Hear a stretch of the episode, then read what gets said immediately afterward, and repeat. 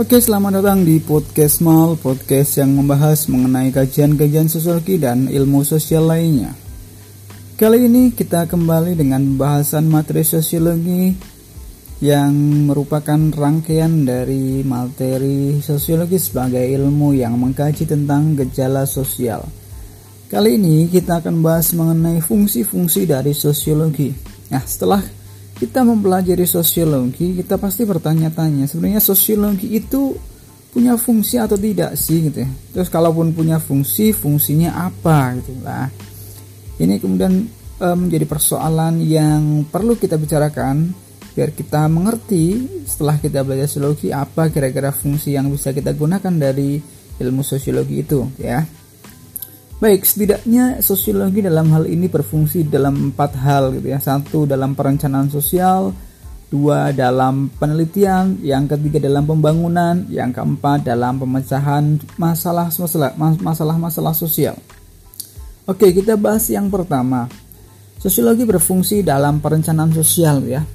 Kita tahu bahwa sosiologi adalah ilmu yang mempelajari tentang gejala-gejala sosial yang ada di masyarakat. Nah, Sosiologi dapat berfungsi untuk membuat sebuah perencanaan tentang program atau pemberdayaan masyarakat dan lain sebagainya.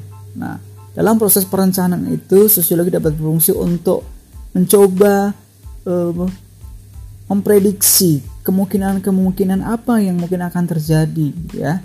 Kemudian kita tahu bahwa dalam dalam kehidupan sosial pasti ada perubahan-perubahan sosial, kemudian ada ada masalah-masalah yang akan muncul. Nah, sosiologi dapat fungsi untuk merencanakan bagaimana jika suatu masalah itu muncul.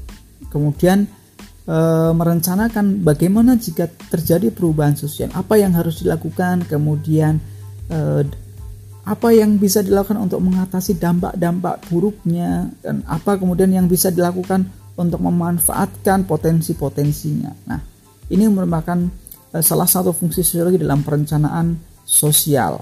Nah, kemudian fungsi yang kedua dari ilmu sosiologi adalah dalam bidang penelitian. Nah, dalam bidang penelitian uh, sosiologi berfungsi untuk meningkatkan mutu dari ilmu pengetahuan sendiri gitu ya. Karena apa?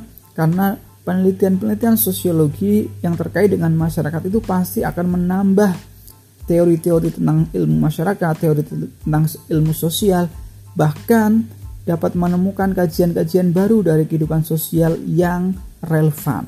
Kita tahu bahwa masyarakat itu selalu mengalami perubahan dari waktu ke waktu, dari zaman ke zaman. Maka teori sosial, teori sosial pada zaman lampau atau teori sosial yang mengkaji pada masyarakat eh, tempo dulu pasti akan berbeda dari teori sosiologi yang yang dikaji atau yang mengkaji tentang masyarakat-masyarakat saat ini. Oleh karena itu, e, fungsi sosiologi adalah untuk menambah kekayaan ilmu pengetahuan. Biar apa? Biar ilmu sosiologi itu lebih relevan dan kontekstual pada perkembangan masyarakat. Itu fungsi sosiologi dalam penelitian. Yang ketiga, fungsi sosiologi dalam pembangunan gitu ya. Sosiologi dapat berfungsi dalam pembangunan dengan cara apa? Dengan menyediakan data sosial yang diperlukan untuk pelaksanaan pembangunan. Kita tahu bahwa pembangunan itu pasti akan dimulai dari tiga aspek ya, atau atau e, tiga langkah, tiga step. Yang pertama perencanaan, kemudian pelaksanaan, yang ketiga adalah evaluasi. Nah, sosiologi ini dapat berfungsi untuk menyediakan data tentang bagaimana perencanaan pembangunan yang benar itu seperti apa apakah pembangunan itu eh, apa namanya bisa berdampak positif atau berdampak negatif. Nah, itu bisa disediakan datanya oleh eh, ilmu sosiologi. Setelah itu sosiologi juga berfungsi untuk eh, pada proses pembangunannya, ya. Jadi sosiologi dapat memberikan eh, pemetaan-pemetaan eh, pada bahwa pelaksana pembangunan itu berjalan dengan baik atau tidak, gitu ya. Itu dalam proses uh, pelaksanaannya. Kemudian yang terakhir sosiologi juga dalam, uh, dalam pembangunan berfungsi untuk evaluasi dalam pembangunan ya.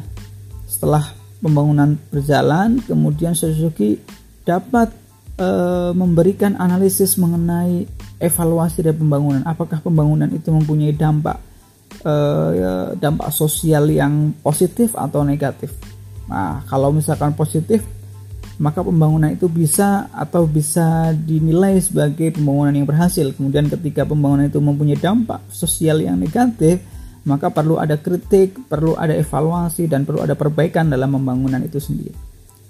Oke, kemudian fungsi sosiologi yang keempat adalah fungsi sosiologi sebagai pemecah masalah sosial gitu ya.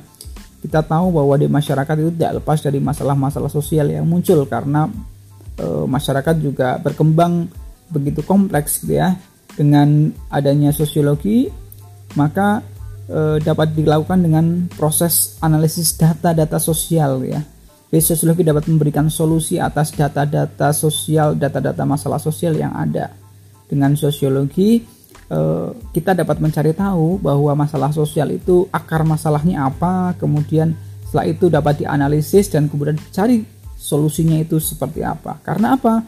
Karena satu masalah sosial itu bisa jadi mempunyai e, pemecah masalah yang tidak sama gitu ya. Sebagai contoh misalkan kemiskinan. Untuk mengatasi masalah sosial kemiskinan itu perlu ada penelitian terlebih dahulu, perlu ada data-data sosial terlebih dahulu. Bagaimana kriteria kemiskinan, kemiskinan itu faktor penyebabnya apa. Nah, kalau sudah bisa dianalisis, baru bisa menentukan pemecahan masalahnya. Karena kalau kita tidak tahu akar masalahnya, maka jangan-jangan pemecahan masalahnya pun tidak akan tepat, ya. Misalkan kemiskinan yang diakibatkan karena banyaknya PHK tidak mungkinlah kemudian uh, apa ya uh, masyarakat kemudian diberikan pendidikan gitu ya. Tidak mungkin seperti itu tapi ya harus solusinya dibuatkan lapangan pekerjaan. Kalau kemiskinan yang diakibatkan karena tingkat pendidikan rendah bukan kemudian di, dikasih duit, nah tapi kemudian apa dikasih pendidikan. Nah itu kira-kira fungsi sosiologi untuk pemecahan masalah. Jadi eh, tidak serta merta kemudian semua masalah sosial itu eh, template ya, template atau kemudian sama tapi bergantung apa masalahnya.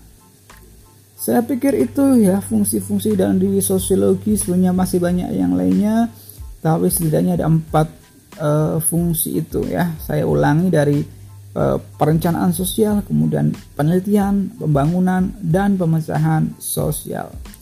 Oke, itu dulu penjelasan dari saya tentang fungsi sosiologi. Kita kembali di podcast mal selanjutnya dengan pembahasan-pembahasan sosiologi berikutnya. Terima kasih.